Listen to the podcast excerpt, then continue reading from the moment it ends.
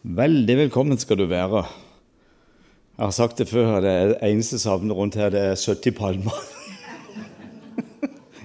Det var, det var, jo det det var i utgangspunktet i Elim, ikke sant? Når de var på vandring med Moses, så kom de til en oase. Og nå får vi be og tro og håpe at vi er med en åndelig oase i kveld. Jeg har vært på mange Elim rundt i Norge. Det er flere av de lokalene, men det er ikke alle som vet liksom bakgrunnen. Jeg har rundt i Norge det nærmeste 40 år, altså. Og langt opp i dalstrøka innover, altså så lyser det hebraiske navn Betania, Sion, Emmaus, Nine Masse sånn. Tenkte hvor i all verden er det de kommer ifra? Det er på noen få kvadratkilometer nede her. Langt opp på Finnmarksvidda, mellom Kautokeino og Karasjok og utover mot Gerkunjemi. På norsk heter det Kirkenes. Så er det utrolig å se at det lyser jødiske eller hebraiske navn. Da tenker jeg mitt stille sinn takk og lov at kristendommen fikk fotfester i landet, før andre gudfiendtlige, fremmede og antikristelige åndsmakter fikk tak på oss. Men nå gjelder det som aldri før at vi virkelig kjenner vår besøkelsestid. Og ja arbeid mens det er dag. For nå er det så sterke krefter som kommer fra alle kanter. Og det er jo tidstegn. Det der er ikke temaet min, men vi ser hvordan det det snører seg. Og jeg kjenner på åndskampen på mine møter at det, liksom, det snører seg mer og mer. Det, sånn må det være, og det er naturlig. For djevelen er jo veldig oppmerksom, som følger godt med at når vi er kommet når Gud, Israels Gud er kommet så langt inn i sin frelseshistorisk plan at han faktisk sanker inn jødene fra hele jordkloden. For siste gang for å forberede Messias, da vet han hva han har i vente. Han forstår ikke alt. Han kjenner ikke alt, for han kjenner ikke navnet Jesus. Men han vet det, kan jeg utsette dette folket, så kan Gud aldri sende jødenes lovede Messias tilbake. For hvem er det som skal rope, rope han velkommen i Jerusalem? Det sa Jesus sjøl. Nå skal dere ikke se meg før dere roper ikke sant? Velsignet være Han som kommer i Herrens navn. Og det er egentlig en stille vekkelse i seg der. Det der får jeg litt greie på, for jeg jobber med 400-500 jesustroende jøder. En menighet som er støtt i Jerusalem. Og det er mye mer enn fole spennende, altså. Det er så spennende å jobbe. Og når jeg pleier å ha møte, så går jeg rundt med sånn brosjyre der jeg presenterer arbeidet mitt. Men nå skal jeg til Israel om 18 dager til. Da skal jeg ned og treffe disse menighetene så skal jeg lage nye folder der jeg representerer menigheten i Jerusalem, messiansk jødisk menighet i Jerusalem, og en kristen arabisk messiansk menighet i Jesu oppvekstby, Nasaret. Så de skal ned og ha møte med, og da skal vi ta nye bilder, så skal vi få oppdatert stoff, hvordan det går, hva bruker de alle disse pengene som jeg får lov å sende ned til. Derfor har ikke du fått i dag. Men har du mobiltelefon, så kan du jo ta bilde av disse her. Det er veldig mange som gjør det. Så jeg skal bare legge de sånn foran her. Men det var den biten der. Nå skal vi gå inn i et utrolig spennende tema. Hvis du så Sunnmørposten eller hørte Hvor mange av dere hørte For jeg er stadig på den der uh, Før het det Radio Sentrum, nå heter det vel Radio Sunnmøre. Ja. Der annonserer alle mine møter. Jeg må bare spørre, Noen som er her pga. Da hørte vi på radioen? Ingen. Da slutter jeg å ringe der. Nei da, jeg gjør ikke det. Jeg gjør ikke det. Men nå har jeg jo støvsugd Sunnmøre. Jeg har vært oppe i åtte dager. Så var jeg en, bit på, på Nordmøre på to-tre dager. Ellers så har jeg jo eh, dratt med meg de fleste menigheter. Og noen er jo her for n-te gang. Så veldig bra. Det er aldri to like møter med arbeid. Det, sånn er det bare. Men nå skal vi be deg videre, Jesus, at du knytter sinner du knytter tanken opp til deg og ditt eget ord. Så trenger vi virkelig at du salver vårt åndelige øre, vår åndelige hørsel. Og likeså trenger vi at du salver vårt åndelige syn, som vi både hører og ser hva som egentlig skjer. Den sekulære verdenspressen, media, det forkludrer og legger liksom et teppe over det hele. Så vi får jo aldri tak på hva som egentlig skjer. Men det er verden. Verden har ikke noe med, med ditt rike å gjøre, altså. Men vi vet at over fire femtepart, enda mer, bygger all sin informasjon på Israel og Midtøsten og problematikken pga. hva disse stormediene formidler. Og da er det jo enda viktigere for oss som har sett det, formidle det klart og tydelig og rent. Så trenger vi en åpenbaringsånd over orda. Så må du gjøre det levende for oss. Velsign enhver som fant veien til dette i ditt eget hus i kveld. La alle gå berika fra hverandre. Deg til ære, oss til gavn. Amen.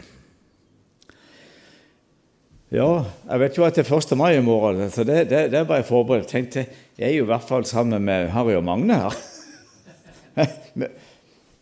Men nå er du her, og uansett mange eller få Jeg taler bare til én. Jeg har hatt masse folk, og en gang hadde ingen. Det var total boikott. Ikke et menneske. Det var total boikott. Men det er veldig lite interessant å høre. Nå skal vi gå inn i et tema som er hentet i profeten Sakarias bok. Jeg skal ikke lese det direkte enda, men temaet henter jeg fra det andre kapitlet og det tolvte kapitlet. For det er der det står om Guds øyensten og Jerusalem som eh, verdens løftestein og tumleskål og alle disse ting. Og det er det virkelig, altså. Det er jo ingen by verden har mer problemer enn denne byen. De fleste vet, ikke tro, de vet. Hvis det er en by jødene har drømt, lengta, håpt om å komme til i århundre, årtusen, så er det jo ikke Tel Aviv. Det er jo ikke Natanya eller Tiberias eller hvilken som helst by. Alle vet det er jo Jerusalem. Men jeg skal, jeg skal, begrunne hvorfor den byen er så problematisk for verden. For det står nemlig i denne boka her. Men jeg skal ta tak i noe i, i starten, og nå skal jeg virkelig skjerpe meg, snakke seint. Når jeg har manus, da skal du være glad, for da snakker jeg seint. Og jeg er akkurat like sørlandsk som jeg har vært i hele mitt liv. Men hør, helt ifra utvelgelsen av Abraham så har jo Guds plan vært at jødene er utvalgt for en helt spesiell hensikt. Det vet vi. Gud er ordensgud. Han kaster ingen tanker ut på måfå. Han har en hensikt, målretta. Alle Guds tanker er målrettede. Han peiler inn mot et mål. Ikke sant? Fra evighet til evighet, da har Gud en, en, en frelseshistorisk plan. Og vi vet at Gud legitimerer seg kun gjennom Israel. Det står rett ut i 2. Samuels bok, kapittel 7. Den bønn som David ber opp til Gud, han undres over det folket han vokser opp i. Så sender han en svær bønn opp, og så svarer han, og så sier han sjøl altså, det er ikke maken til dette folket i verden. Og Gud, han har gjort seg helt uunnværlig av Israel. Det er rett og slett som David sier med andre ord det. Israel er Guds uunnværlige tjener. Og Jeremias følger dette opp. Det vil være Guds uunnværlige eh, tjener, både land og folket, helt til eh, universet ikke er mer. Da står det i Jeremias 31 så lenge sola skinner, og det har hun gjort i dag, så kommer månen. For den hadde over Skogfjellet mot meg i går kveld som en sigd. Ja, ja, løftene står der. Så lenge månen skinner, og stjernene skinner og lyser, og havets brenninger bruser, så står Guds løfte med jødene ved lag. Altså, Gud han kan jo ikke si det sterkere. Like sikkert som sola skinner, månen og stjernene lyser, brenningene bruser. Like sikkert og like lenge har en hensikt med det landet der. Det bør jo interessere alle kristne. Åkke som, sa Stumperud. Tenk om det var sant. De gjør ikke det, vet vi. På grunn av noe forferdelig som dukka opp i det andre århundret, som vi kjenner med mer sånn moderne språk. Erstatningsteologi. Det der har jeg virkelig kjent på kroppen når jeg studerte kristendom og teologi en gang i tida. Hadde forelesere som var professor i ditt og datt, og det var en fight. Det bruker vi ikke tid på. Men vet du hva? Jeg skal gi deg ett vers som Esaias skriver i kapittel 60. Ett vers, litt om land og folka. Det er kapittel 60, vers 21. Og du husk å høre. Det er Gud som taler, det er Han som snakker her. Og ditt folk, de er alle sammen rettferdige. Til evig tid skal de eie landa. De er jo en kvist som jeg har plantet, et verk av mine hender, til din ære. Dette er krystallklar tale. Det var teologen Esaias som skrev dette. her. Så har du Moses. Ett vers fra Moses. Det er like før de skal innta det lovede land. Oi, nå gjør jeg det vanskelig for dere.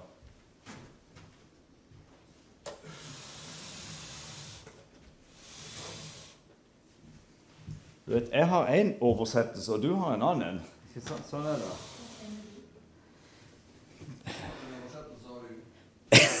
jeg har så mange. Jeg har så Inni hodet har jeg 1930-utgaven, men det sier ikke i og er der. Men det er, den, det er den jeg bruker. Det er min arbeidsbibel. 5. Mosfor kapittel 7, sjette vers, står følgende og, Det begynner med en begrunnelse, for dette her er utrolig viktig. Det er noe, er ikke noe noen har funnet på. Jødene har ikke bedt om en utvelgelse. De har ikke bedt om et land. De har ikke bedt om noen ting. Allerede bedt om å skrive ned Guds ord. Alt hviler på Gud.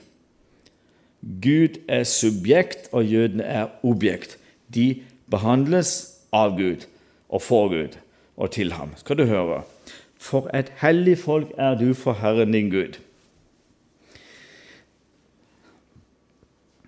De har Herren din Gud utvalgt. Du hører, Gud er en utvelgende Gud. Så sier han her av alle de folk som er på jorda, til å være hans eiendomsfolk. Vi kan ikke si det sterkere. Og Paulus han er jo like krystallklar. I Romerbrevet 3,1 der spør han har jøden noe fortrinn. Hva gang er de i omseelsen? Og så sier han meget i alle måter.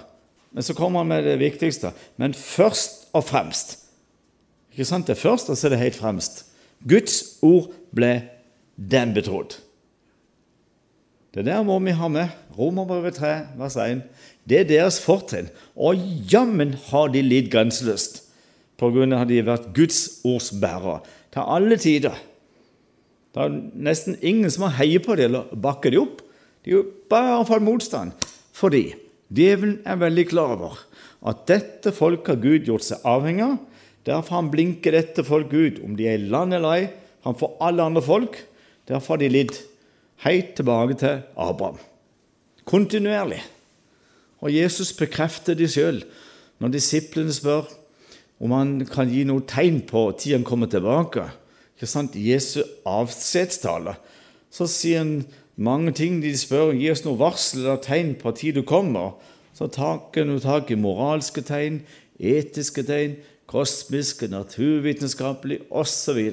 Men så sier noe spennende i Lukas 21 om sitt eget folk. Det er Lukas 21, 17. Det kan du godt finne på lerretet. Det gjør ingenting. Eller på der. Ja. Det står 'for alle'. Men vet du hva det står på, på, på grunnteksten gresk? Epi ep et etnos. Du har sikkert ikke den greske der. Det betyr ingenting. Slapp av.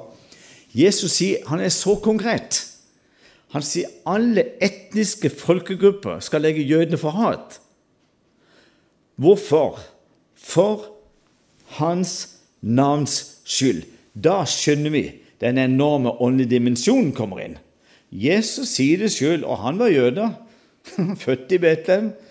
Han er det fødte ordet, legemlige ordet, og han er det skrevne ordet. Nå bruker vi ikke mer tid på det, men dermed så skjønner vi at djevelen er usedvanlig oppmerksom på, på, dette lille landet her. Og det har vi virkelig fått sett som har levd en stund. Men nå skal vi ta det suksessivt. For um, Eh, Paulus sier videre i Romerbrevet 15, vers 4. Nå snakker jeg litt senere, gjør jeg ikke det? Jeg kan enda snakke senere, men da tror jeg jeg må slukke lysene i går. Slapp av. Hør her, det, det er godt til fri for de fleste i morgen, da. Men Romerbrevet 15, vers 4.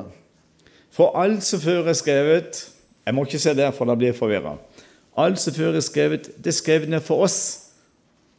Der finner vi håp og trøst og tålmod, som Skriftene gir. Ja, Nå blir du forvirra, for du har 88, og jeg har 30-utgaven i hodet. Jeg har, be, jeg har begge bibler. Herlighet, halleluja. Hva betyr det?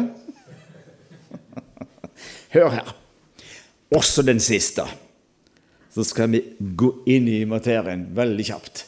Og det er den lille profeten som blir kalt for rettferdighetens profet.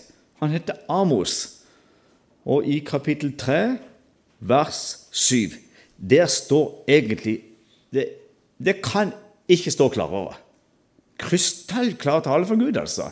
Gjennom den lille profeten som vokste opp rett ut forbi Betlehem, i en liten bygd som heter Teko. Det er jo rett nedi her. Det er bare ikke noen kilometer syd-sydøst av Betlehem. Betyr ingenting, men der, der levde han. Så skriver han For Herren, Israels Gud, gjør ingenting uten at han har åpenbaret eller avdekket sitt lønnlige råd for sine tjenere, profetene. Klarere kan det ikke stå. Jeg tar ikke med flere vers. Nå har du fått noen sånne åndelige stabbestein, sånne pilarer, og alt det kan vi bygge på. Dette hus kan du være sikker på å stå på en skikkelig grunnmur. Sånn er det. Vi må ha et godt fundament. Ellers kan det være så sterkt og det bare vil både egg og tak og alt hvis det ikke fundamentet er solid. Men nå bygger vi takkel opp bare på Guds ord. Og jeg elsker det som er Bibelen. Nå er jeg Israel og reiseleder. Åh, du skjønner, Hele Bibelen her, det, det bare løser sak snart. Jeg har slått så mange ganger på det, slått det fast. og Herlighet, altså. Holdt på å blåse på vann på Genesaretsjøen, og da er det jo krise. Men da er det jo fantastisk å dykke til Bibelen i Genesaret. Hør her. Veldig lite spennende. Vi går tilbake til når byen Jerusalem begynner å få betydning. Og Det begynner med Abraham. Han får beskjed å gå til et land som han ikke kjente. Vi vet det var Kanan. Nå er det bak meg her. ikke sant? Og så har han fått et løfte underveis at uh, han og Sara skal bli foreldre. Og det så dårlig ut. ikke sant? Det så fryktelig dårlig ut. Da, nei, da, uh, Abraham tenkte ingenting er umulig for Gud. For uh, han tenkte det, det kan ikke være meg. Det, det, det, kan ikke være meg og Sara. Det er sikkert eh, Elieser, tjeneren min fra Damaskus. Han skal Nei, Gud sier du skal bli far. Ja. Nå gjør vi det veldig kjapt. Og Den historien finner du i første Mosebok. Det må du ikke bla opp, for det er et helt kapittel. Jeg skal bare ta et resymé. Første Mosebok, kapittel 22. Og Der får altså Abraham beskjed om at han eh, de, han skal få en sønn, og den kommer i alderdommen. Tenk på Abraham er 100 år og blir pappa. Da er du moden for litt av hvert. og Sara var 90. Det var ikke rart de kalte sønnen Yitzhak, ikke sant? Nå må jeg le. De lo. Hva vil, tenk, jeg bare tenker som Sara der i Negev i Beersheba. Hva vil de si i naboteltene? Her mannen min, 100 år, skal lære seg å begynne med bleieskifter. Begynn å tenke. Begynn å tenke. Og Sara var 90. Nybakt mamma. Skulle noen ting være umulig for meg, sier Gud. Og det står Abraham trodde Gud. Han skjønte ikke sin som til, men han trodde Gud. Det ble regnet han til rettferdighet. Det er derfor Paulus skriver rettferdighetens kapittel i Romerbrevet 4. Det er der du finner den historien komprimert. Mens vi vet at de får denne sønnen, og Gud sier til han, han skal du ta med til et sted jeg skal vise. Og Vi vet at Abraham så stedet langt borte. I dag vet vi det er tempelplassen, for det heter Moria berg, eller Moria. ja, Det betyr 'Herren ser', eller 'Herren ser ned til'. Ok, Og Gud taler til ham, din sønn skal du ofre. Hva Abraham har tenkt i sitt indre, det vet vi. For det står i Hebreerbrevet. Isak i tre dager var død i Abraham sitt hjerte. For det var tre dagsreiser. Og her kommer forbildet på Golgata-verka. Det første, ikke det første, men ett av de første. Og så er det jo en utrolig rørende historie. For ikke sant, eh, De har med seg tjenestegutter og esel, og de har med seg eh, bagasje og nist og alt dette her. Det leser du i dette kapittel. Og så sier han, 'Bli der, så skal jeg og Isak gå og ofre.' Hva han har tenkt. Les hebreerbrevet. Og så sier Isak til pappaen Det er nå Jerusalem begynner å få betydning for Gud. Det er derfor jeg tar resymé av den historien. Så sier Isak, 'Far' Kan du tenke deg, sier han. Her er veden, og her er ilden, men hvor er offerlammet? Vet du hva Abraham svarer? Gud skal selv ta seg ut. 2000 år etterpå, på omtrent de samme kvadratmeter, omtrent. Det er ingen som eksakt vet hvor Golgata var. Vi går jo gjerne til Gordons Golgata, og så har du katolikkene har gravhaven inne i gamlebyen betyr ingenting, egentlig. Men at det fant sted der i denne byen, that's the point, altså. Ja, Og så går Abraham så langt at han binder sønnen opp på veden og skal ta livet av ham. Kan du tenke det? Han drar den beduinerkniven eller dolken som de hadde sånn. Det, det, det spenner de fast her, vet du. Og så idet han skal til å ofre sin sønn fysisk, altså, så hører han navnet hans blir ropt to ganger. 'Abraham, Abraham.' Så kikker han seg rundt. Så får han øye på en bukk som har kjørt disse bukkhornene. Vi sier sjofar. Det er jo det de blåser i dag. Sånn bukkhorn som vrir seg rundt i en egen akse. Og Den henger fast i, i noen kvister og greiner, og så tar han over fra den istedenfor. Men Isak var i Abraham sitt hjerte ofret. Men så får han høre Gud skal selv, og det sier han jo, Gud skal selv ta seg ut et offerlam. Nå har vi for et par uker siden feira dette. ikke sant, påska. Vi bruker ikke mer tid på den biten, men da begynner denne byen å få betydning. Vi skjønner dette er Det betyr jo det ikke sånn Herren ser ned. Moria. Og så går vi 1000 år nærmere vår tid. Da er David salvet til konge i Hebron. Det er en by som ligger mellom Berseba og Jerusalem. Da er det litt den veien, da, hvis du tar opp skrifta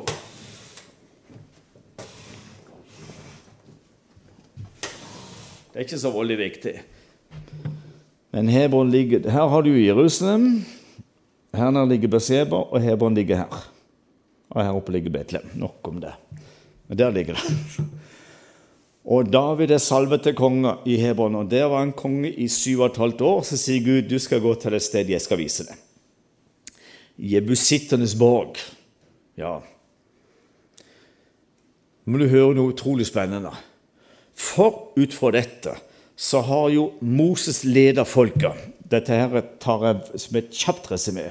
Han har ledet folket, og her oppe døde Moses på Nebo berg på pisk og stopp. Har dere vært der, gutter? Har dere vært der? Det er jo i Jordan. Men nok av det. Så dør Moses her, og så er det Josef som overtar. Og så får han beskjed av Gud. Nå skal han ta over etter Moses, og det var ikke bare bare.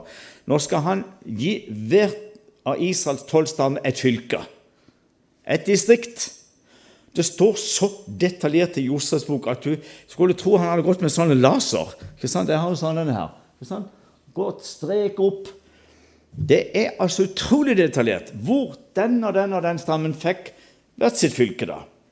Men hør ingen fikk Jerusalem. Juda var kanskje naturlig. Det er kongestammen. Det finner du allerede i Mosebøkene. Ikke sant? Av Juda. Kongespir skal stige fram av Juda. Judastammer. Da hadde kanskje vært naturlig at judastammer Men de fikk distriktene nedover, de fikk hele grasområdet her. Men ingen fikk. Og her er en hemmelighet, egentlig. Det er ikke alle som er klar over det. Hvis én stamme fikk Jerusalem, Og lett var det da for alle de andre elleve sandene som 'Dette vår by'. Ingen fikk den. Derfor kan alle Israels tolv stammer ende som 'Dette er vår by'. Og alle folk har en hovedstad, et senter. ikke sant? Det, sånn er det bare. Men Levi-stammer de fikk ikke noe fylke. De skulle gjøre prestetjeneste i tabernakler og etter hvert i det faste tempelet. da. Bruker vi ikke tid på nå. Og så får David beskjed å dra til Jebusitterborgen. Og da var det en treskeplass der som ca. 1000 år tidligere Abraham skulle ofre Isak. Og så er det en som heter Ornan, som eier denne treskeplassen. Han vet David er konge for hele folket. Han sa du kan bare få den, det er din. Nei, David vil ha orden i papirene. Og hvis du lurer, eller hvis dere lurer på hvor jeg befinner meg i Bibelen, så er det første krønikebok, kapittel 21, fra vers 21. Det er liksom der denne historien begynner. Og det er en voldsom dramahistorie før. Hvor det har vært en skrekkelig mannefall fra Israel. Gud har tatt liv av oppi 70 000 jøder pga. David gjorde noe Gud ikke likte. Da fikk han skikkelig eh, et skudd for baugen. Det er ikke mitt poeng. Poenget er at David skal berede grunnen for Herrens hus. Ja, et tempel. Og han vil bygge tempel, men Gud sier du skal ikke. Du er en kriger. Du har blod på dine hender. Men en som skal utgå din lønn, den fredsommelige, Slomo eller Salomo, han skal gjøre det. Så vet vi det ble det. Salomos tempel. Men så bruker vi ikke mer tid på den biten, for vi må fort komme litt videre. Men nå begynner denne byen å få betydning. Og, og David bygger, bygger jo et, et, et offer der. ikke sant? Da ble han ofra til Gud, og Gud svarte med ild. Da ble han alvorlig redd. Ild fra himmelen kom og fortærte hele offeret. Kanskje samme sted der Abraham slapp å ofre sin sønn. Det heter jo Herren ser.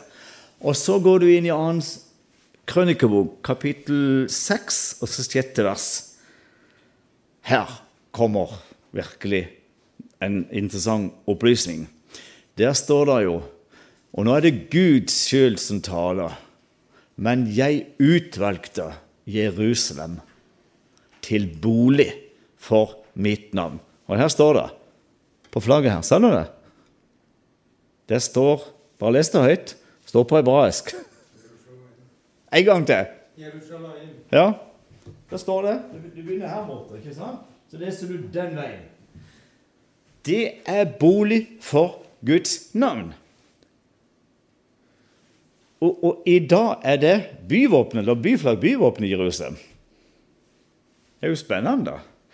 Det bruker vi heller ikke noe videre tid på. Men så sier han men jeg utvalgte Jerusalem til bolig for mitt navn, og David til å være konge over mitt folk Israel. Men vi vet ut fra alle disse eh, profetiske skrifter at jødefolket falt ifra. De glemte underne med Rødehavet, at de levde på mann, og Gud sørga for vått og tørt, og klærne ble aldri slitt ut, og skoskjoldene ble aldri slitt ut. I 40 år. Tenk på det! De tufta på under. Så kommer de inn, og så har de fått så mange advarsler. Derfor fikk de de ti bud.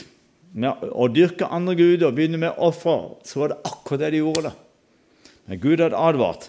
Hvis dere begynner å dyrke andre guder som hedningene, ta konsekvensen. Så sendte han profeter. Esaias, Jeremias, to svære statsprofeter. Hoseas, den veldig milde profeten. Han var så mild at han unnskyldte seg når han kom med budskap. Og så har du Amos, så har du Mika, så har du Joel. Alle disse her som var før eksilet. Bruker vi ikke tid på nå. Men vi vet han advarer konkret to ganger gjennom kanskje verdens største vekkelsespredikant, som ble en statsprofet, og det er Jeremias. Siterte han i stad. Men så skriver han to steder i Jeremias-boka. Og det er rett før det svære babylonske riket kommer opp. For da har de nedkjempet assyriske riket. Da blir det en supermakt, et imperie. Det ble det, med Babylon som hovedsete. Det var en kjempeby. Helt uinteressant å snakke om akkurat nå. Men der får Jeremias to konkrete beskjeder av Gud. 70 år da skal, da skal, de ført i fangenskap til Babylon. Og Der skal det være 70 år. Og så skal Gud hjemsøke Babels konge. Så skal de få vende hjem igjen. Ja. Men nå kommer vi med noe utrolig viktig. Det er veldig sjelden jeg klarer å stå på et helt møte med dressjakke. Jeg klarer det av og til. Men hør her. Så vet vi at de blir ført. Nå tar vi ikke tak i at de var ti stammen som ble ført til det syriske riket, de som hadde Ninive som hovedstad, der Jonas skulle forkynne omvendelser. Det er ikke tema. Da sprenger vi alle rammer. Da blir de iallfall mørkferdig. Hør her.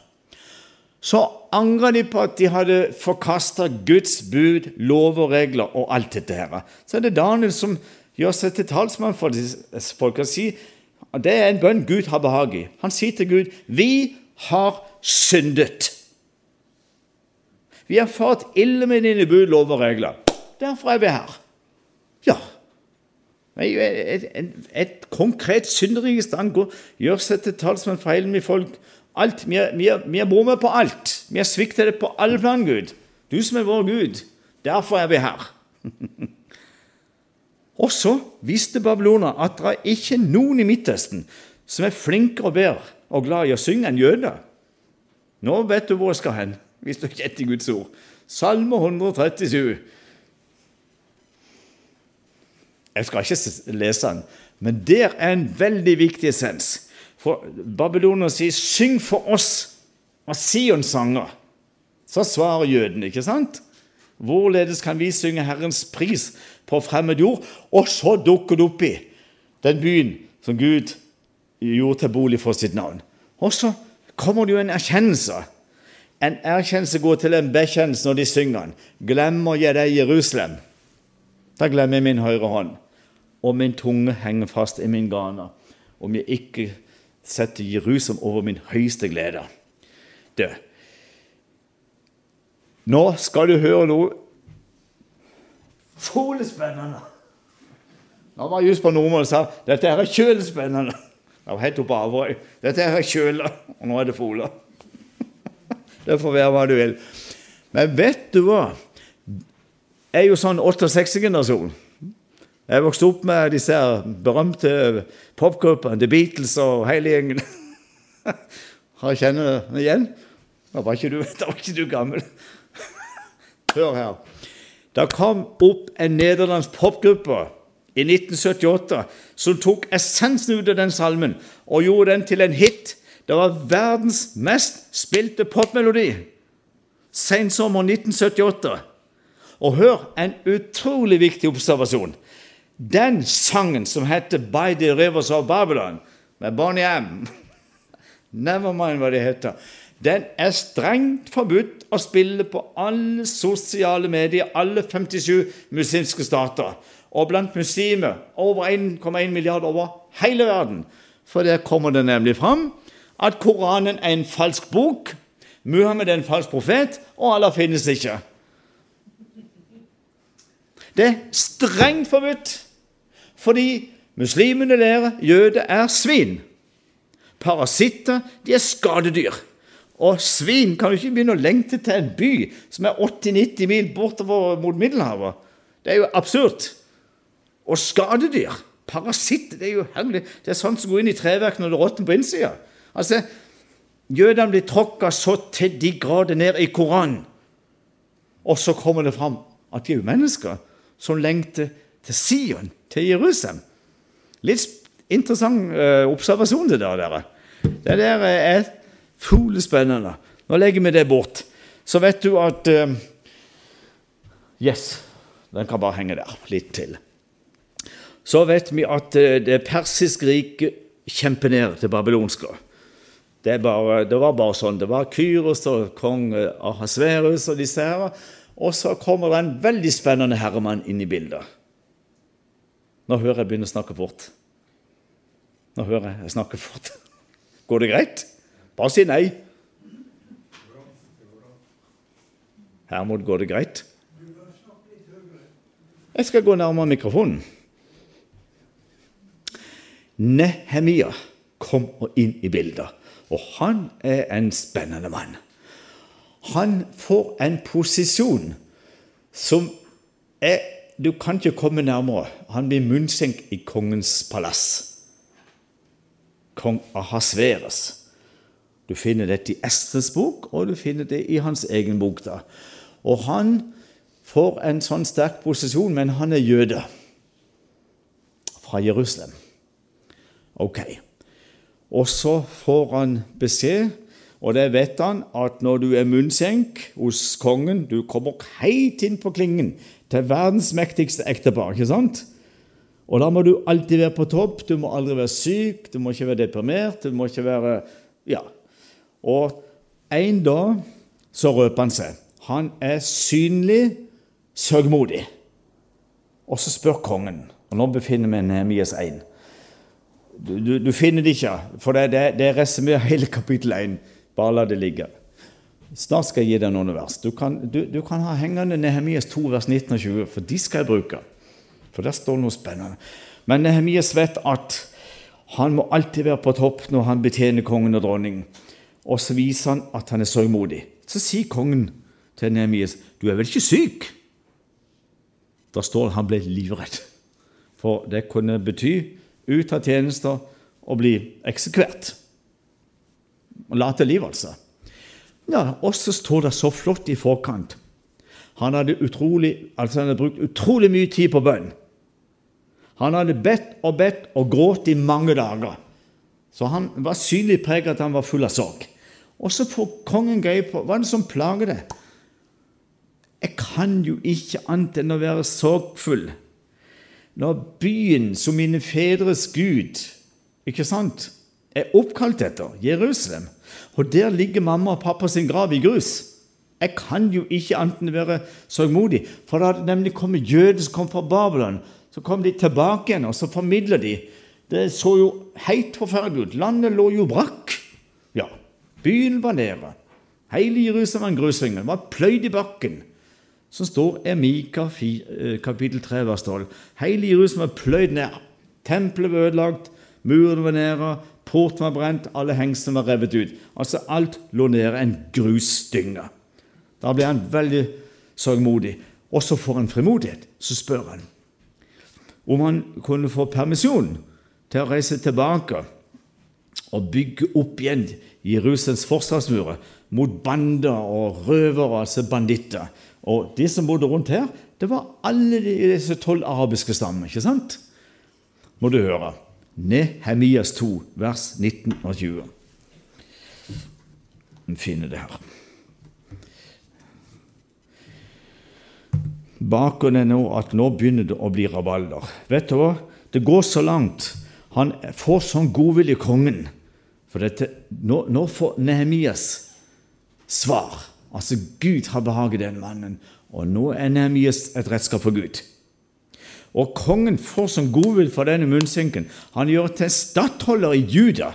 En veldig høy embetsposisjon her. Tenk på det. Og så skriver han et brev, personlig brev, og det forsegler han. Du har min tillatelse. Jeg er verdens mektigste leder. Du har min tillatelse til å bygge opp igjen muren rundt den byen som dine fedre gravlagt i, og som er bolig for Guds navn. Ja. Så forteller han ikke hvorfor han kommer til Jerusalem. Han er der i noen dager, og så reiser han rundt på et esel når det er måneskinn og mørkt, og så ser han alt ligger nede. Og så blir det kjent for disse folkene som er rundt her, det er jo bare arabere, at han har faktisk tenkt å gjøre noe med Jerusalem. Nå må du høre noe spennende. For Leser du her, så står det at byen da, når Nehemias kommer tilbake og ser alt som det var blitt sagt, byen ligger ødelagt, i 140 år. Det har gått 140 år fra Nebukadnesa ødela. Hvis, hør, hvis araberne har hatt noen som helst interesse av Jerusalem, mens jødene er i eksil, borte i Babylon, og noen har vært i det asyrskriket, langt bort med Tigris og Ninive Det er jo bort mot Iran i dag, så det er jo fryktelig langt vekk. Hvis de hadde hatt noen som helst interesse av denne byen, da hadde de gjort noe med den de, forstår, de, de la ikke to pinner i kors, for å si det sånn. Ingen interesse av den byen. Nå viste de ingen interesse av araberne av Jerusalem. Men her kommer den åndelige dimensjonen inn i bildet. Nå viser seg det en gudsmann som er Guds ledelse, og har til og med fått kongens beskjed om å gjenreise forsvarsmurene. Og vi vet at Serubabels tempel kom opp. Det var en, en, bare en skygge av Salomos tempel. Det bruker vi ikke tid på. Men da blir de eitrende sint. De spotter jødene, de forakter de, de lyver på de, de vil boikotte Altså, det er blå kopi av i dag, skal du høre. Ja. Altså, det, det, det som ligger foran det 19. og 20. verset. Så leser vi Nå, nå holder jeg med i denne utgaven her. Men da Horonitten, Sanballat og den ammonittiske tjener Ammon, ikke sant? Det er jo Amman. Det er hovedstaden jorden ligger her borte. I dag er det jo hovedstaden i Jordan. Det er der han kom fra. Og den ammonittiske tjener Tobias og araberen Gersom hørte det, at han har tenkt å bygge opp en forsvarsmur mot en hellig stad. Da spottet de oss og forakta oss og sa, Hva er det dere gjør der? Vil dere sette dere opp imot kongen? Men han hadde vist at kongens tillatelse. Er til og med stattholder her, i Juda. Så er det Nehemias. Nå er han frimodig. Og så gir han det en kraftsalve. Det der er ganske Vi skal holde oss til Guds ord. Da svarte jeg, altså Nehemias, dem så, himmelens Gud, han vil la det lykkes for oss, og vi, hans tjenere, vil gjøre oss rede og bygge. Så svarer de rett ut, like frem, og de har jo vist, de har jo ingen interesse av byen. Så sier han da, med, med andre ord, da, men dere har verken del eller rett eller ettermæle i Jerusalem. Den klarte de ikke. Da det, Der gikk det fra ille til verre. Så begynner de å gå inn i sammensvergelser. Det trenger du ikke kikke etter, for det, det, det er svært kapittel som handler om dette. Men de går inn i sammensvergelser, de truer de, og så skjønner disse her som representerer Sandballat, Tobias og Gersan De skjønner at det er ingenting som kan stoppe den mannen. Vet du hvor langt det går? Så begynner de med fredsforhandlinger. Hvis du går og kikker på det de holder på med nå, så tilsvarer det Oslo-avtalen. Hallo? Nehemias, hvis du bare slutter å bry deg om Jerusalem, skal vi holde frem med det. Gjør ingenting med Den hellige stad. Vi skal ikke bry oss. Du må komme. Har, må komme. Vi må forhandle med det. Vi må ha en fredsforhandling med det. Du, det er blåkopi av Oslo 1 og Oslo 2. Og Camp David og Vai River og Veikalt for fred. Hva er det ikke heter? Sharm el Sheikh, det er jo all, hva, hva heter alle disse? Alle avtalene har fred i seg. Bare jødene slutter å bygge Jerusalem, Judea, som er i dette landet, så skal araberne holde fred. Ser du åssen djevelen jobber? Gud henter dem hjem. Han ga dem landet. De har fått byen. Det er bolig for Guds navn. Alle tolv stammer kan enes om denne byen. Den er vår. Og så sang vi så fint. Ikke sant? Vi skal be, sier David. Be om fred for denne byen. For hvis denne byen blir utsatt for åndsmakter fra alle kanter, altså. Til alle tider. Det går altså så langt at de truer med å ta livet av ham. Så er det en sånn en spion som sier du må løpe inn og gjemme deg i tempelet. Jeg går ikke inn der, sier han. Nei, i Guds tjeneste. Jeg skal gjøre det Gud har befalt meg.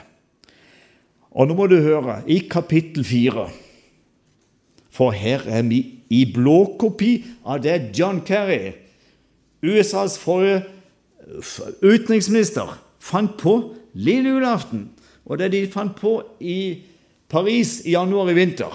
Det, liksom, det var krampetrekning av den forrige administrasjonen i Det hvite hus. Og problemet i Midtøsten er ikke den enorme katastrofen og lidelsen Syria og Irak, Jemen eller Libya. Du kan gå Midtøsten rundt, altså. Det, det var ikke på agendaen. Det som er problemet for Midtøsten, det er Skal vi lese. Det er utrolig, altså. Det, det, det er nesten ikke tro det er sant, altså. Men vet du hva? Du, henge, du trenger ikke finne opp på, på powerpointen, men 2.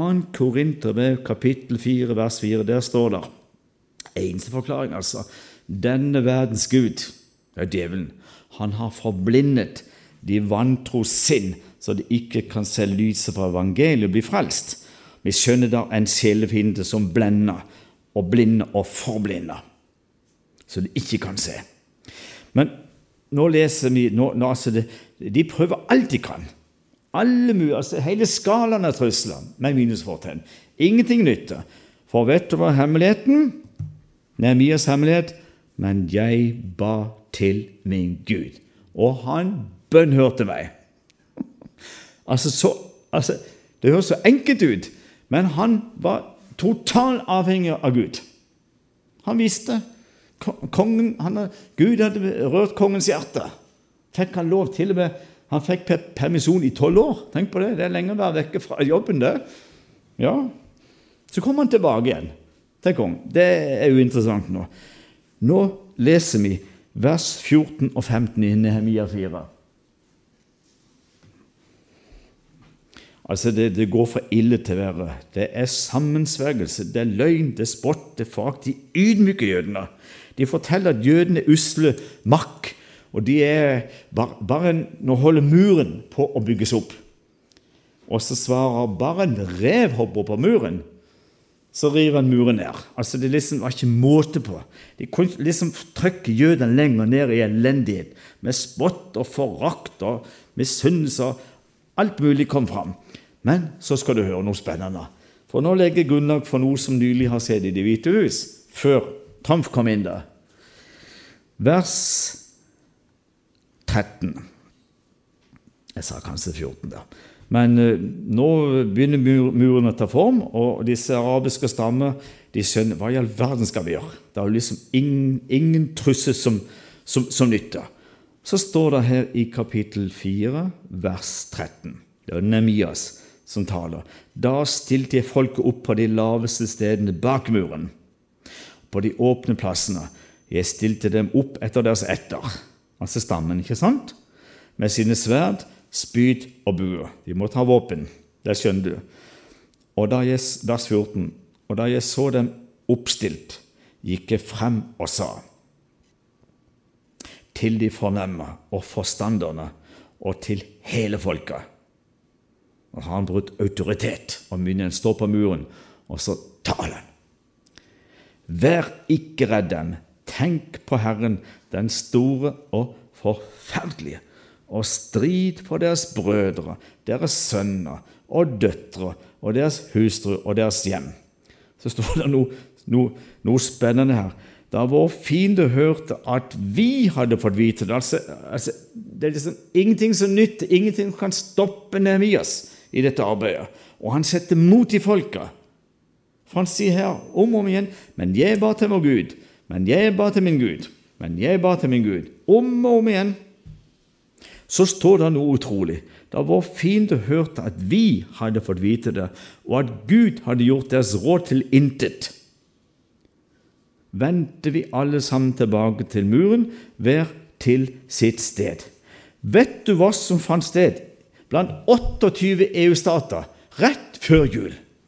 Det var krampetrekning. Og har jeg dette her skriftlig, ellers ligger best av alt i hodet.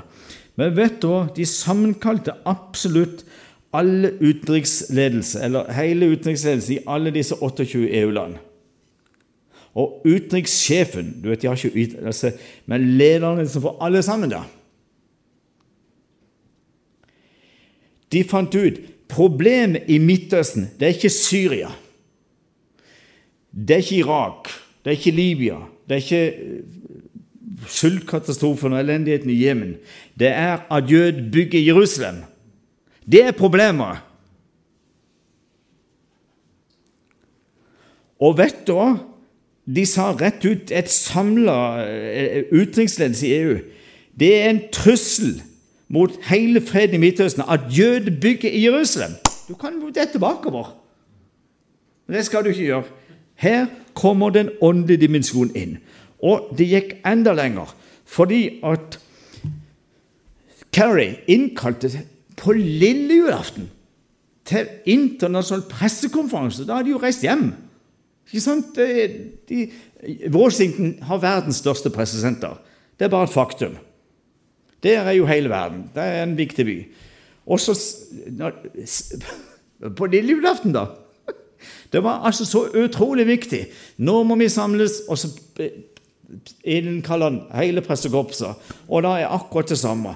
Det som er problemet i Midtøsten i dag, det er at jødene bygger ulovlig i Westbank, altså i Samaria, i Judea og Øst-Jerusalem. Og vet du hva Nehemia sier i kapittel 4? Eller de sier om han skal de ha lov til slik, skal jødene ha lov å bygge i Jerusalem. De har ikke lov å bygge i sin egen by. Skjønner du at her er den enorme åndedimensjonen dimensjonen i bildet? Så nytter det ikke. Det ble ingenting ut av det. Og så er det absolutt siste mulighet. Så samles de i Paris 15. januar. Herlig, det er jo ikke lenge siden det. 72 utenriksministre med John Kerry som initiativtaker. Det er liksom, De vil ha et ettermæle. Ikke sant?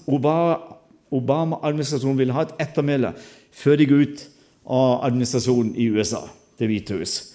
Og da er det jo akkurat det samme igjen. For da bygger de på et sikkerhets... Det er jo resesjon oh, 2334. 2330. Det er never mind, men det er den de bygger på.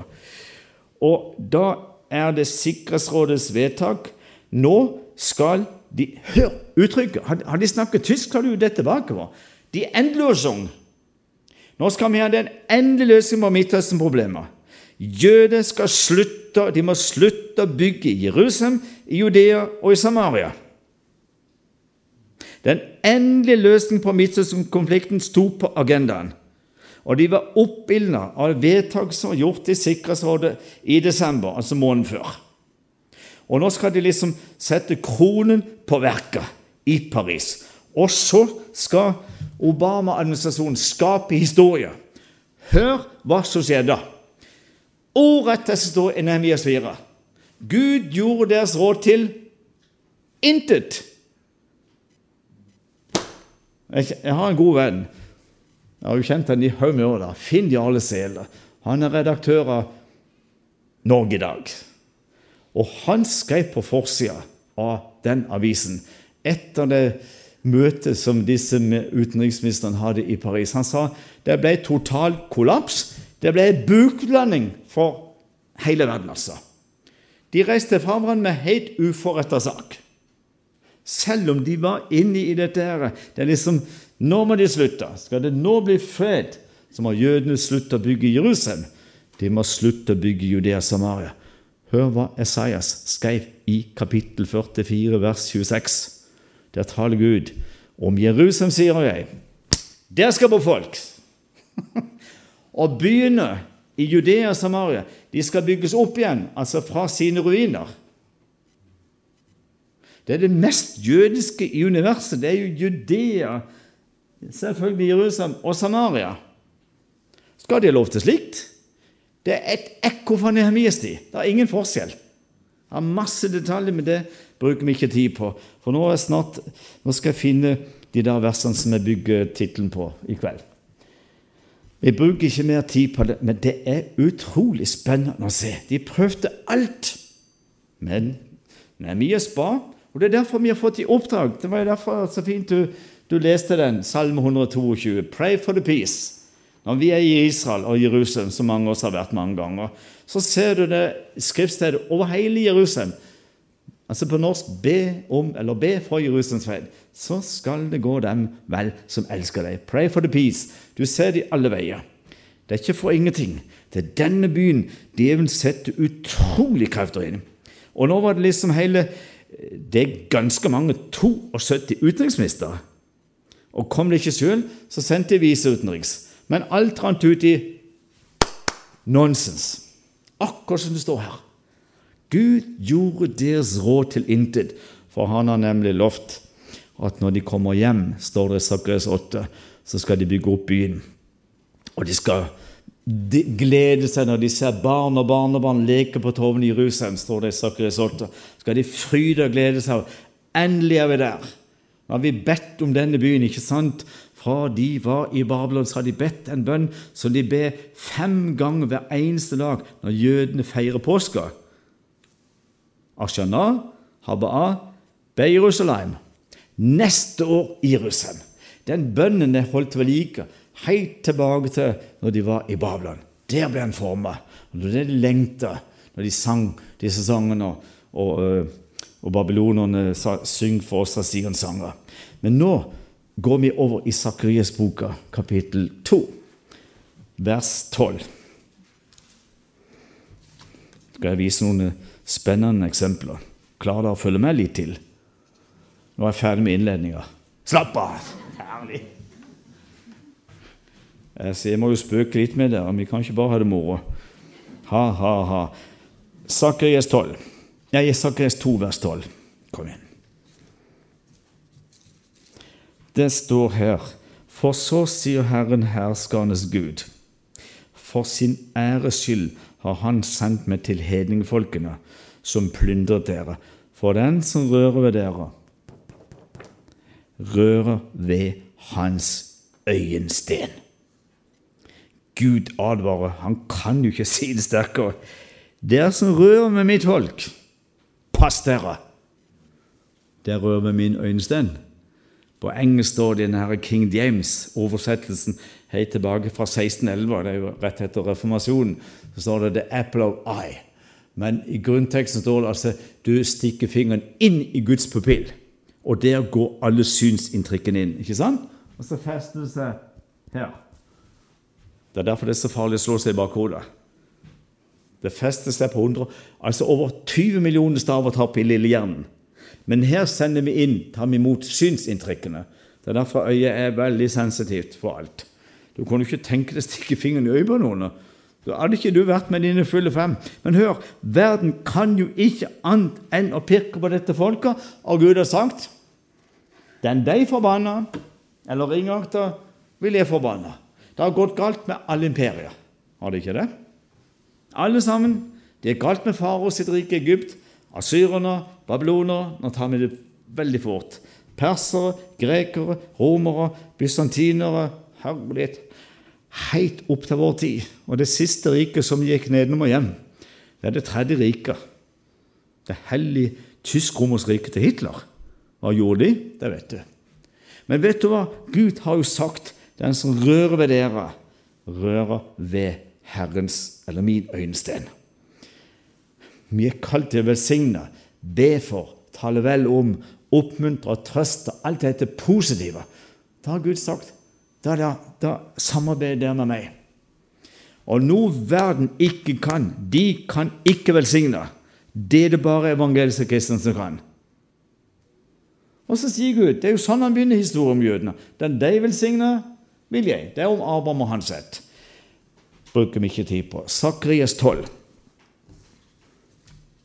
Nå skal jeg vise noen spennende eksempler på slutten.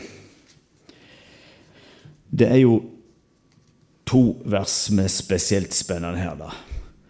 Og da er det noe vi skal få øye på. Her står 'Se, jeg gjør' Nå er det Gud som taler. Denne profeten han er faktisk gravlagt langt nede i Oljeberget i noen huler, som gikk for mangfoldige år siden. Han er gravlagt med Haggai og Malakias, omkranset av 50 babygraver inni sånne huler. Det er jo spennende, men det der er ikke interessant akkurat nå. Men han som er gravlagt på Oljeberget, skriver mer om Jerusalem og Jesu innkomst enn noen av de andre. Så står det her Nå gjelder det Jerusalem. Se, jeg gjør Jerusalem til en tumleskål. Og i fotnoten står det her en skål med berusende vin. Det kan også oversettes, hvis du leser Salme 60, et beger fylt med gift. Hvis du heller i deg et beger fylt med gift, da seiler det i hodet. Du er irrasjonell i tankegangen.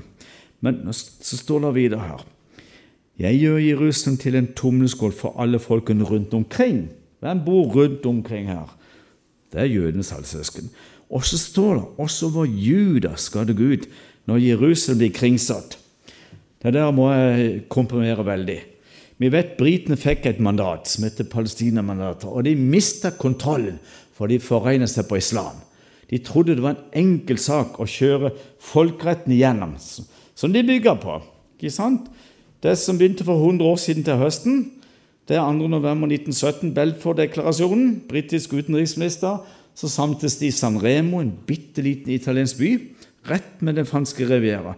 Og så gikk det to år, så gjennomførte de gjeldende folkerett paragraf 6, paragraf 11 og paragraf 80 i Palestina paragrafen og uh, hele dette vedtaket bekrefter at målet med dette mandatet er å kjøre det palestinske mandatet fram til et jødisk nasjonalhjem. Så står det det vil si en stat. Og enda mer med jødisk lovgivning, utøvende og lovgivende makt. Mens arabere skal ha privat eiendomsrett og religionsfrihet. Og det har de. Men arabere skal styres under jødisk lov, og her foregner britene seg. For de hadde ikke rent med åndsmakten i islam. De kjørte Canada, Australia, India, New Zealand fram til demokratiske stater. De skulle styre seg sjøl. Og det, det maktet de. Hør, det er bakgrunnen for at britene fikk palestinamandater. Og den som så det klarest av alle, han var nordmann. Han het Fridtjof Nansen. Han var Norges utsending der. Og han visste For han hadde jobbet mye med russiske flyktninger, hvis dere husker det. da. Nok av det. det der, vi, vi må ikke få ta på oss i sånne ting, for da blir vi jo aldri ferdig. Men, men hør her. Han visste hvor har jøden sitt navn ifra? Juda. Det, det er jo her, altså, Skal de nå overleve og Nå hadde de vært gjennom forferdelige pogromer på 1880-tallet i Ukraina, Russland og Hviterussland. Det er bare et faktum. Det er bakgrunnen for den første byen jødene bygde her. Petra Tikva. ikke sant? Håpets port. I 1882 bygde de den første byen. Da var det tyrkerne som var her. Da var det ikke noe mandat. Men det, det som er interessant, for det legger grunnlag for det andre verset Britene forener seg. De trodde det var en enkel sak å sette De er jo halvsøsken. De har jo Abraham som stamfar. De er jo halvsøsken. De må da kunne sitte med samme bord, trodde de. Satt de inn i bystyret, regionalråd. Det kollapsa. De, hør, her er hunden begravd. En araber som er muslim i hjertet, kan jo ikke sitte og styre en by med en vantro jøde som, som, som Muhammed sier det er på svinestadiet, på dyrestadiet. Parasitter. Det, de gikk ikke an. Det kollapsa. Det fungerte ikke. Så mista britene kontroll. For å si det veldig enkelt. De ga opp hele mandatet, og idet de er i ferd med å gi opp mandatet og FN i november 1947 skal gjennomføre folkeretten, som de gjorde med to tredjedels flertall, da var muslimene altså så gale, og de gikk i strupa på en nordmann som er FNs første generalsekretær, Trygve Lie, fra Groruddalen i Oslo. Og de tok han skikkelig. Altså, Kommer nå disse vantro jødene til å få en stat, som de frykta, med rette, da skal vi love denne staten. Og det har de holdt. Evig terror, evig krig. Hør, evig Hamas. Har de gjort det? Det er de som styrer Gaza. Spennende. Og det har de holdt.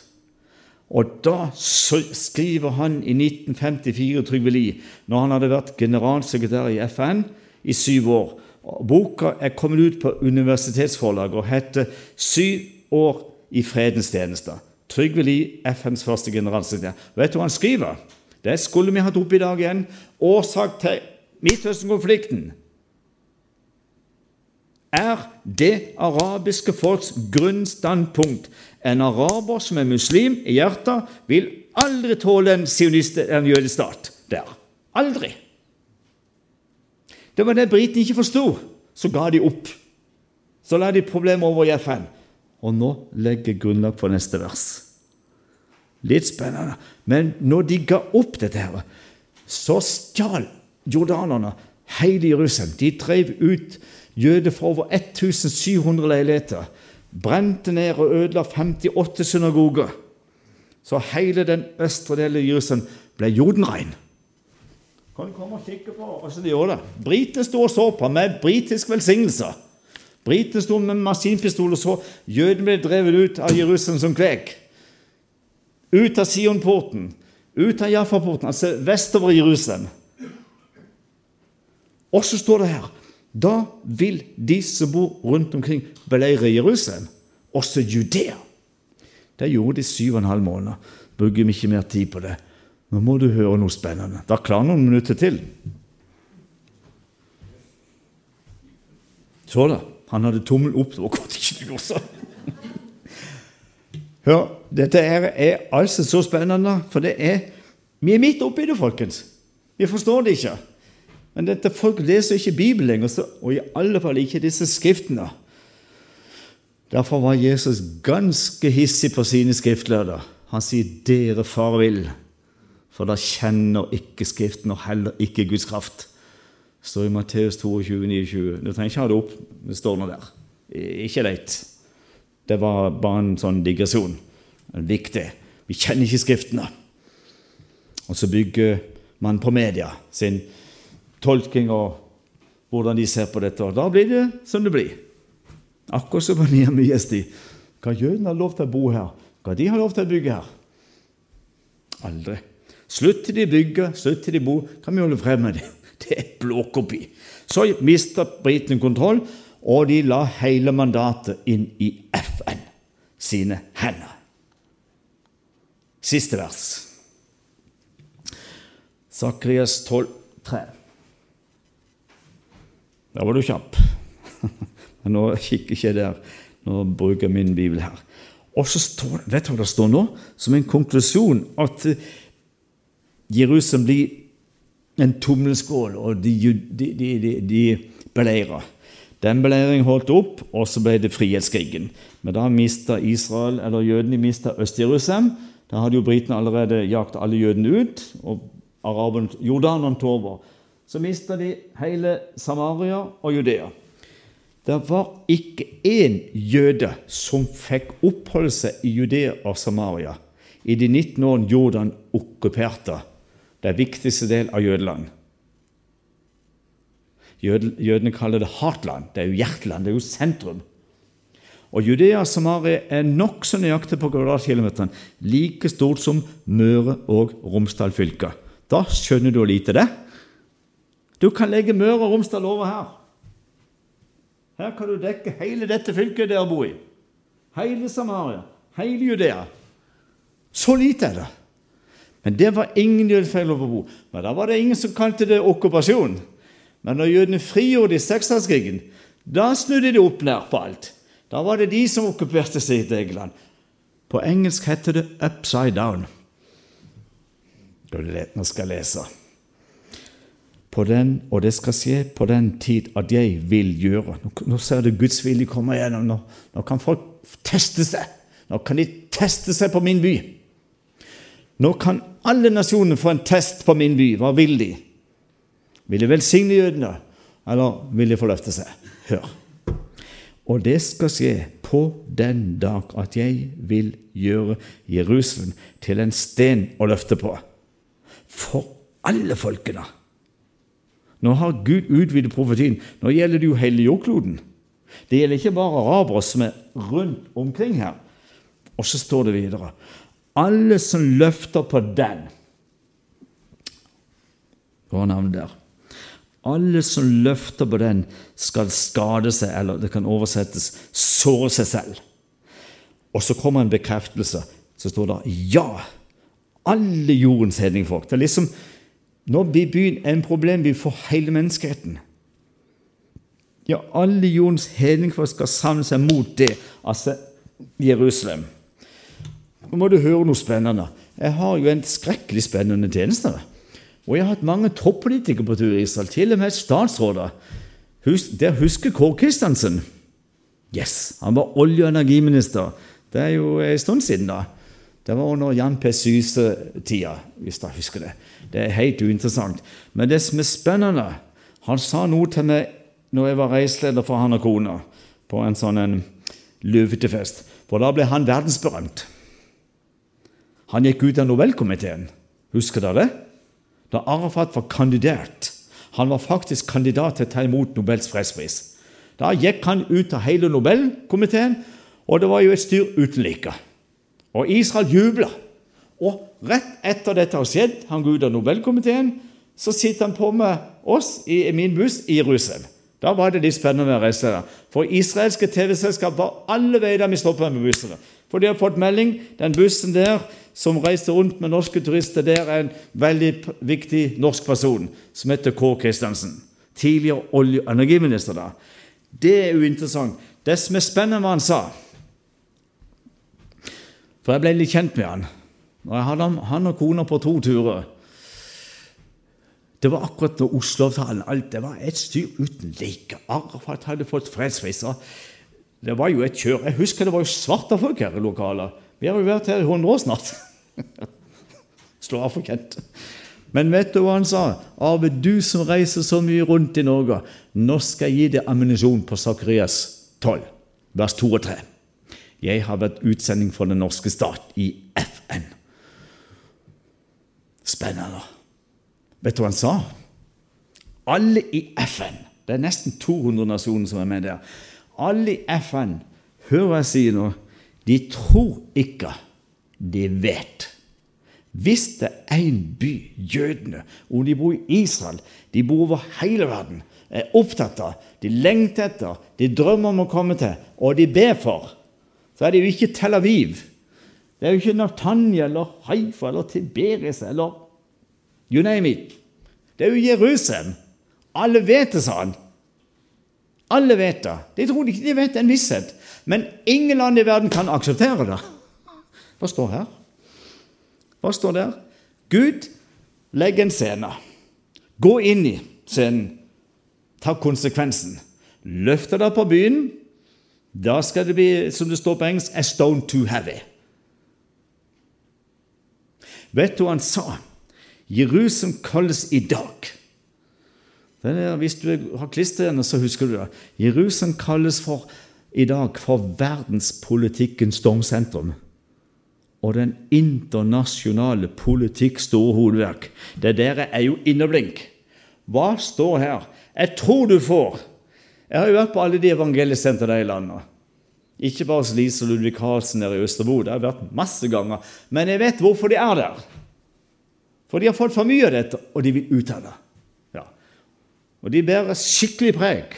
Det er så farlig, det der. Men hør, Bibelen sier de heller jo i de, de, de, de tømmer i seg et beger fylt med gift eller berusende vin, og da er du irrasjonell.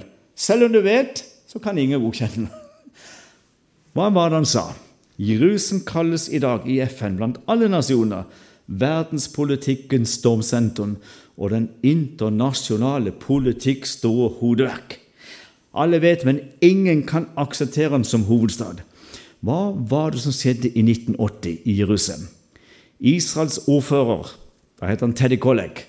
Han gikk i bressen. Han hadde stått veldig for dette. her. Og så var det 13 år etter seksdagskrigen i 1967. Endelig så samler de seg, så tar de mot til seg, og så samler de seg et vedtak. Enstemmig. 100% Jerusalem er Dette her fra juli 1980, bare så du vet det er ikke så lenge siden. Jerusalem er Israels evige og udelelige hovedstad. Med en gang dette ble kjent, så blir det et rabalder i Midtøsten uten sidestykker.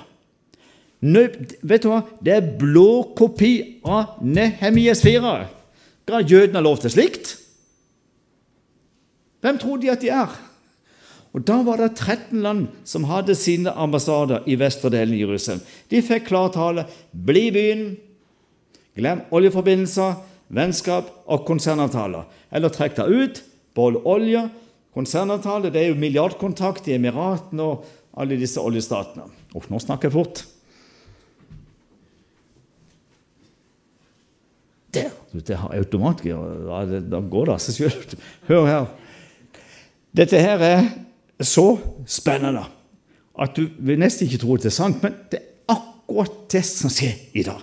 De får altså ikke lov og hvis de, noen var modige nok til å beholde ambassaden, ville det gå utover milliardkontrakter og oljeforbindelser og vennskap. Alle som en. Exit. Plutselig så sto Israel med en hovedstad. Ingen land i verden godkjente. En annen sak, Da oppsto den tjenesten jeg reiste for i 22 år. internasjonalt kristenambassade i Jerusalem. Det er irrelevant. Men det som er mitt poeng på slutten, der skjedde noe annet. Har du hørt om Ole Torp, som er med og styrer Urix i NRK Tor? Ja. Han var en spennende herremann.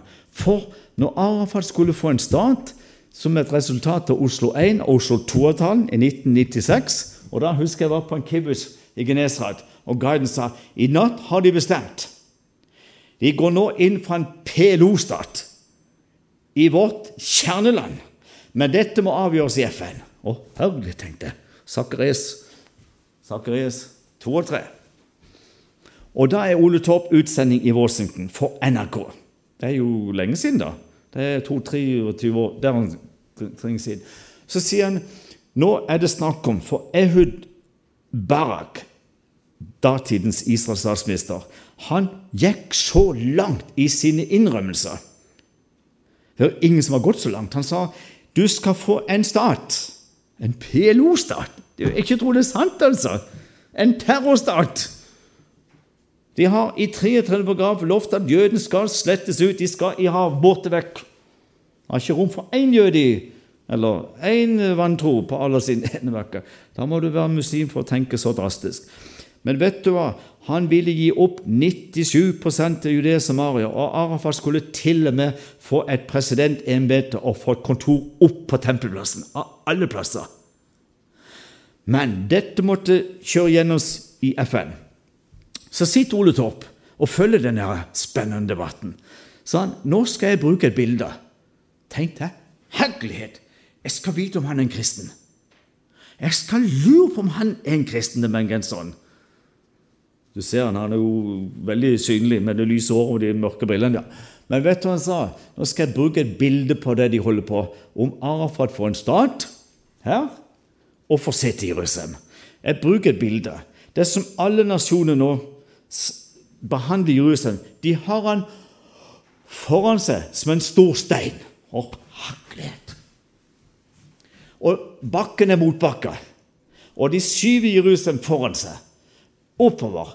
Og det ser ut som de kommer, til, de kommer gjennom i forhandlinger at det går gjennom at han får en stat, med Jerusalem som hovedstad for palestinere. Og vet du hva han sa? Det ser ut som liksom alt går i boks. Alt liksom nå legger seg til rette. Men plutselig skjer det noe. Så makter de ikke mer. Det kollapser, og så kommer steinernålen over det igjen. A stone too heavy. Dette har stått i Bibelen i ca. 2600 år. Vi ser det ser midt for våre øyne. Hvem kan forklare det? Det er kollapsen, Det ble ingenting. For Gud har sagt hvem skal bo der? Det er mitt folk. Esaias 44, 26. Om Jerusalem sier 'der skal bo folk'. Der skal mitt folk bo. Mange ting. Ett eksempel til. Klarer dere det? Var det tommel opp? Jeg skal ikke trette deg ut. Det har ingen hensikt. Unesco, oktober 2016.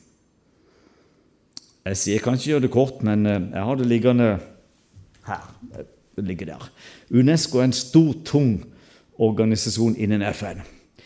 De, eh, de, de står for kommunikasjon, kunnskap, kultur og vitenskap. Det er liksom bare akademikere, ikke sant? Og det er masse nasjoner. Det er en stor, tung organisasjon inn under paraplyen FN. Og de hadde det er jo nesten ikke til å tro at det er sant.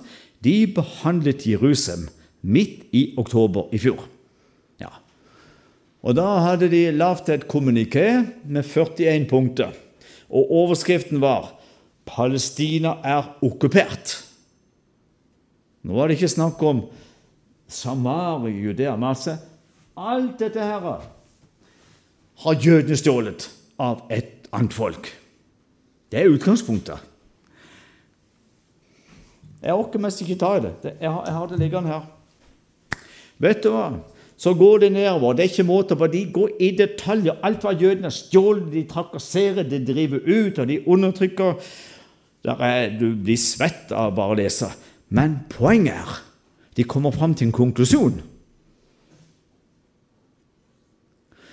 Og den bygger de på en drøm Muhammed hadde på sine nattlige reise på et fabeldyr som heter al-Barak. Et fabeldyr, en drøm. Hør, Unesco bygger på en drøm som Muhammed hadde i sine nattlige reiser. Det kan ikke bli mer abstrakt. På et fabeldyr!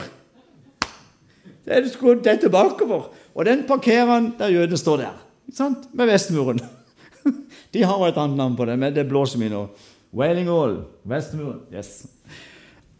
Du, jeg, jeg, altså du, hvilke ord skal du bruke på det?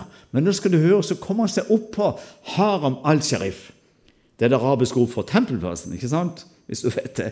Og selve Jerusalem kalles jo Al-Quds. Ja. Den er ikke nevnt ett sted i Koranen. Ikke ett sted. Det er jo interessant, men det er litt spennende likevel. Men vet du hva de konkluderer med? Han farer hjem sin, til, til, sin himmel, og på dette fabeldyret så sparker det så hardt ifra at det blir merke i fjellet. Og så melder han på sitt fabeldyr på månen. Det er derfor det er måne på alle minareter. Arabiske, muslimske bønnetårn. Hvis du ser. Og når det er i Midtøsten, så er månen heil. Og jo lenger fra Midtøsten ser det ut som en sigd. Sånn som månen oppe på kveldshimmelen. Sånn er det. Men når du er her nede, så er den hel. Og nå er han i den syvende himmel. Så konkluderer Unesco Nå sender det. Jerusalem er kun en hellig by for muslimer. Jødene har ingen historiske røtter eller forbindelse til denne byen, ei heller de kristne. 24 land stemte for, og 26 land stemte imot. Hvor langt er vi kommet inn i det som Sakris sier skal lede til en verdenskrig mot Jerusalem? Nå går det fort. Det er én ting, men det mest skremmende for det å avstå fra stemme, det er jo å stemme. Den som tier, den samtykker. Det er jo et ordtak. Mer enn det. Men vet du hva det mest triste av alt? Det var at to oppegående våkne nasjoner i Europa ikke vågte å stemme imot. Sverige og Frankrike. Vi vet grunnen. Det der følger du litt med på. I Sverige, sørlige del av Sverige, det er en svær by som heter Malmö. Der er de i ferd med å miste kontrollen til islamister. Det kjenner du til. Vi bruker ikke tid på det. Og Frankrike er det ikke nødvendig å snakke om, for der er enda unntakstilstand pga. angrep på franske jødiske eiendommer. Det der husker du. Og så denne forferdelige aksjonen på, i Monaco, den lastebilen som eier ned over 80 mennesker på den promenaden. Men altså, de vågte ikke å stemme imot. Og nå går løgnen sin gang. Til slutt ser vi i denne boka at hele verden vil gå til en, en krig for, altså, mot Jerusalem. Og Gud sier det sjøl. Han tillater alle verdens nasjoner å gå til krig på Jerusalem. Hvordan går det da, tror du?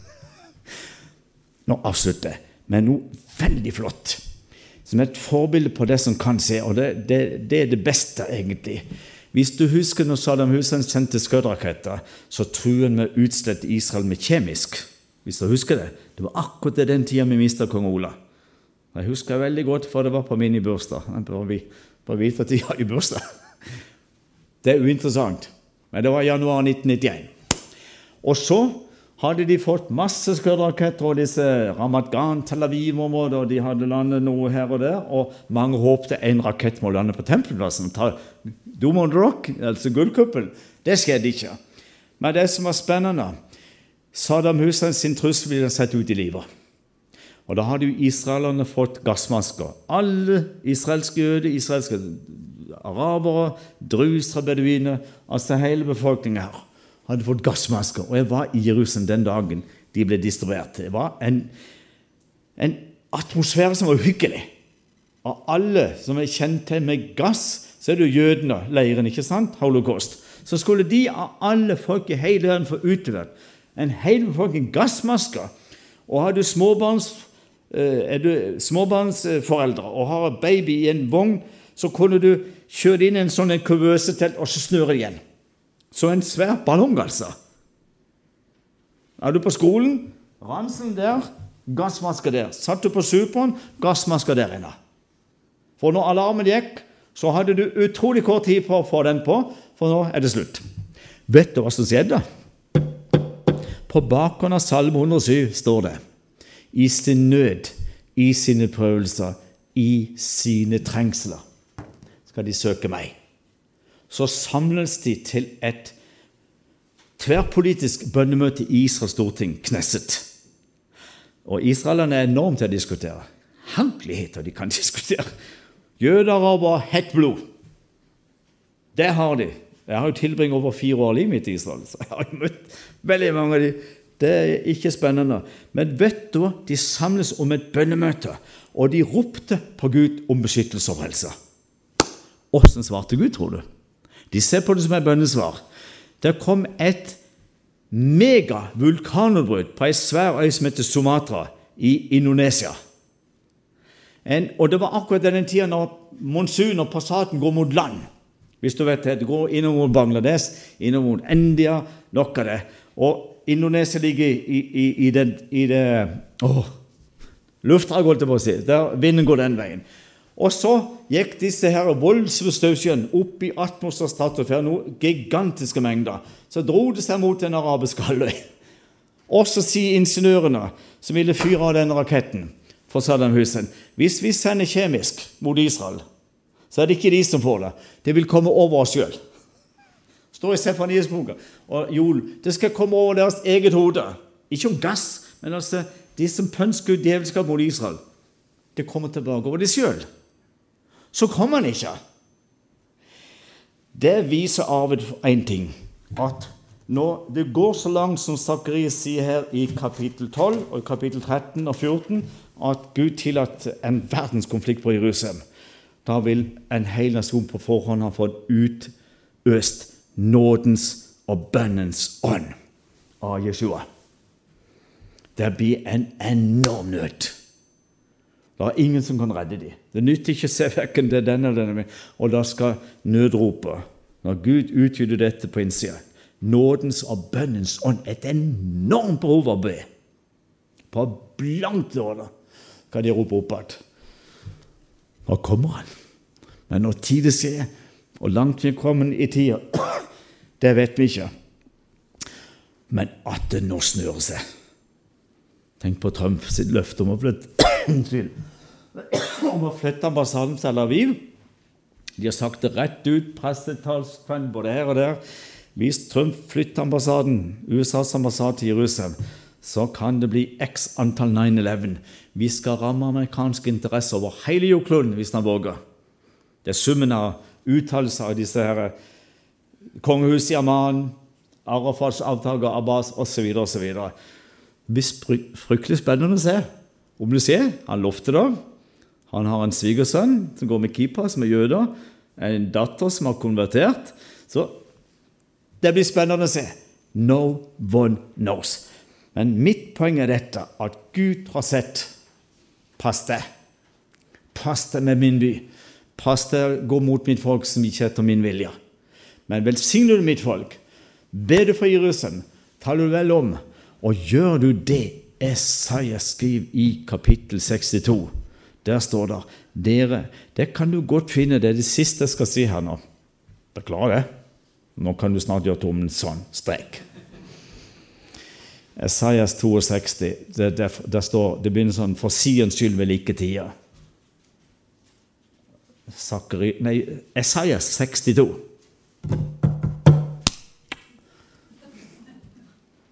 Yes, der har du det da leser det sjøl.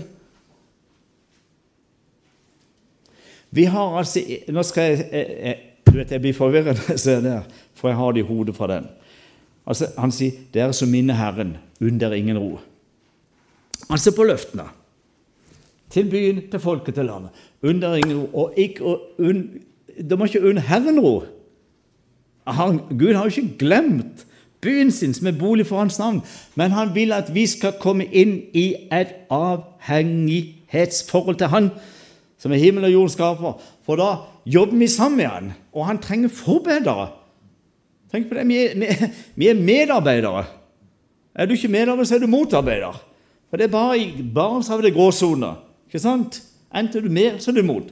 Han snakker fryktelig fort. Men han sier 'minn meg på løftene'. Og vi, skal ikke unne oss og Gud ro, altså i bønnelivet, før. Ja, det er jo fantastisk å se det. Vi kan ikke bruke fantastisk, for da vi fantasier. Det er jo himmelsk, altså. før Jerusalem står fram og blir en lovsang på jorden. Jerusalem skal bli en lovsang på jorden. Da kommer alle nasjoner og skal lære statsmannskunst av Messias. Det er jo et gigantisk tema som ikke jeg skal berøre her, for nå er absolutt, absolutt ferdig. Hvordan begynte møtet i kveld? Må ikke se på klokka. Jeg håper ikke dere er urkristne. Det har gått til fri for de fleste i morgen. Jeg vet jo ikke hva du skal finne på. Men hør her. Vi lever i et tid som vi aldri har opplevd maken til. Hvis vi brukte litt mer tid på denne boka her, enn vi bruker på TV og aviser og underholdning og herlighet, altså, og vi har feila Det er altså så spennende. Og trosstyrkene, det sitter i min ånd. Og da vet jeg jeg samarbeider med Jesus. Jeg samarbeider med Far i himmelen. Og så har han lovt den deg velsigner, vil jeg velsigne. Og nå skal jeg avslutte. Jeg holder ikke kollekttale, for det, det, er ikke nødvendig. Men altså, vi har jo faktisk en tjeneste som står inntil han kommer. Inntil Gud sender Jesus tilbake. Og sett alle ting som vi synger finnes han, alle ting i rett skikk. Ikke sant? I det stille, klare målen. Men altså Jeg står i en tjeneste og jobber med messianske jøder, en menighet i Jerusalem. Der er over 400 Jesus-troende jødemedlemmer. og De kommer fra eks-Sovjet, fattig republikk i Hviterussland, Ukraina, Sibir, Russland. og De kommer fra Etiopia, Eritrea rundt omkring. og Ingen av de har noe feite konto når de kommer til Israel som immigranter.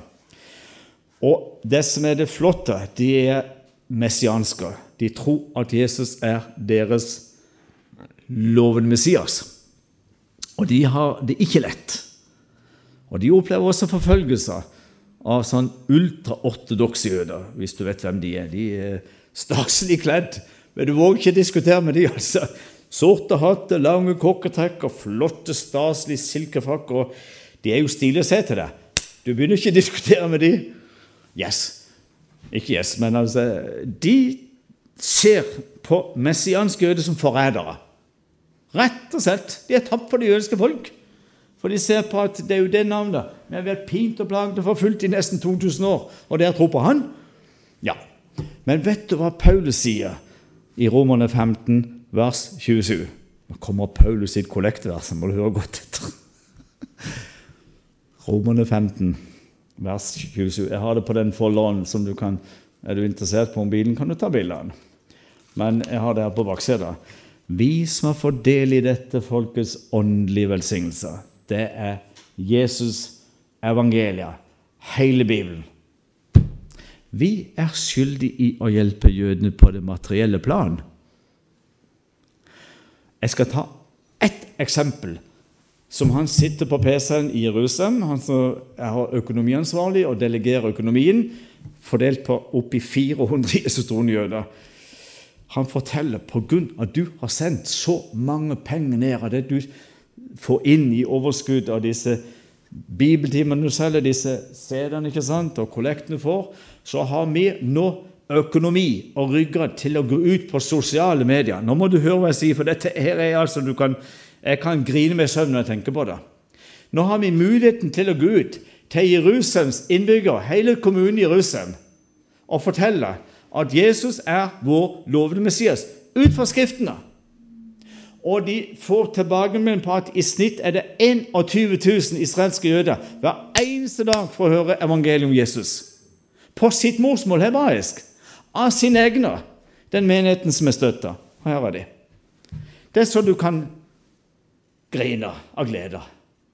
Oss må jeg takker, for det er nemlig svar på et svært budskap jeg fikk i Israel for masse år siden. Arvid, jeg skal sette deg inn i en tjeneste. Og du blir overraska og sjokka. Resultatet av din tjeneste er du bare lydig. Det er derfor jeg reiser. Det er ufattelig spennende, altså. Og du, du, må gå, Hvis du er sånn på, på sosiale medier, så har han sånn nettadresse og hjemmeside, så kan du høre alt mulig altså, hvordan de forvalter midlene. Kopiere Bibelen på hebraisk, og de får lov å gå på sommerleirer ha dåp i Jordan eller hva. De har ikke råd til å leie buss engang fra Jerusalem ned til Jeriko. Så leier de buss, så er de på sommerleir, så får de bibelundervisning. Der Jesus ble døpt av døperen Johannes. Det er så spennende, altså. Det er jo han der på Jerikoslettene. Og så støtter en kristen arabisk menighet i Jesu oppvekstby, Nasaret. Der går araber som har oppgitt islam, og det er på livet løs, det vet du. Og så i den menigheten kommer også jøder som tror at Jesus er Messias, i hans egen oppvekstby Nasaret. De støtter. Der går en 120 kristne arabere og jøder, og den i Jerusalem går 400-500. Og du må, Jeg bruker ikke mer tid på det, men hvis dere har lyst til å være med i denne utrolig spennende tida og støtte dem, da er du på Jesus' side. For det har han lovt. Den deg vil jeg, ikke sant? Og skal vi i gang svare for dette her. Matteus 25.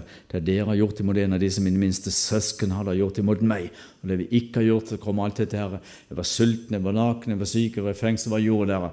Da er det ingen ja-men. Vi visste ikke. Alle vet. Kjære Jesus, nå takker vi for at uh, vi får lov å ha en stille og rolig kveld på Elim. Det er et privilegium. Skal jødene samles i en synagoge, enten det er i Norge, så er det politi med skarpladde maskinpistoler. Det er nesten ikke Jeg tror at det er sant, altså. Men vi må takke deg, Jesus, for at vi får lov å holde fri, åpne møter. Ingen forstyrres. Ingen bryr seg, uansett hva som blir forkynt på en talerstol, sånn som her inne på Eikenos. Og vi ber dere en spesiell velsignelse over denne menigheten som har åpnet opp for mine møter i en masse år. Vi ber ned en spesiell glede og velsignelse. Åpne lokaler Åpen, god, fri ånd her. Og så ber vi at du hjelper oss å forstå at nå må vi arbeide mens det er dag. Vi har alle våre nisjer, vi har alle våre hjertesaker i ulike organisasjoner, menighetsliv osv. Men du, det som er tettest opp til ditt hjerte, det er jo ditt eget folk. Og det har du sagt vi er skyldige å hjelpe dem på det materielle plan. Vi som har fått del i deres åndelige velsignelser. Og det hele Golgata-verket, er deg, Jesus. Priser for det at enda er det tid til å ta tak i disse ting og gjøre noe med det. Amen.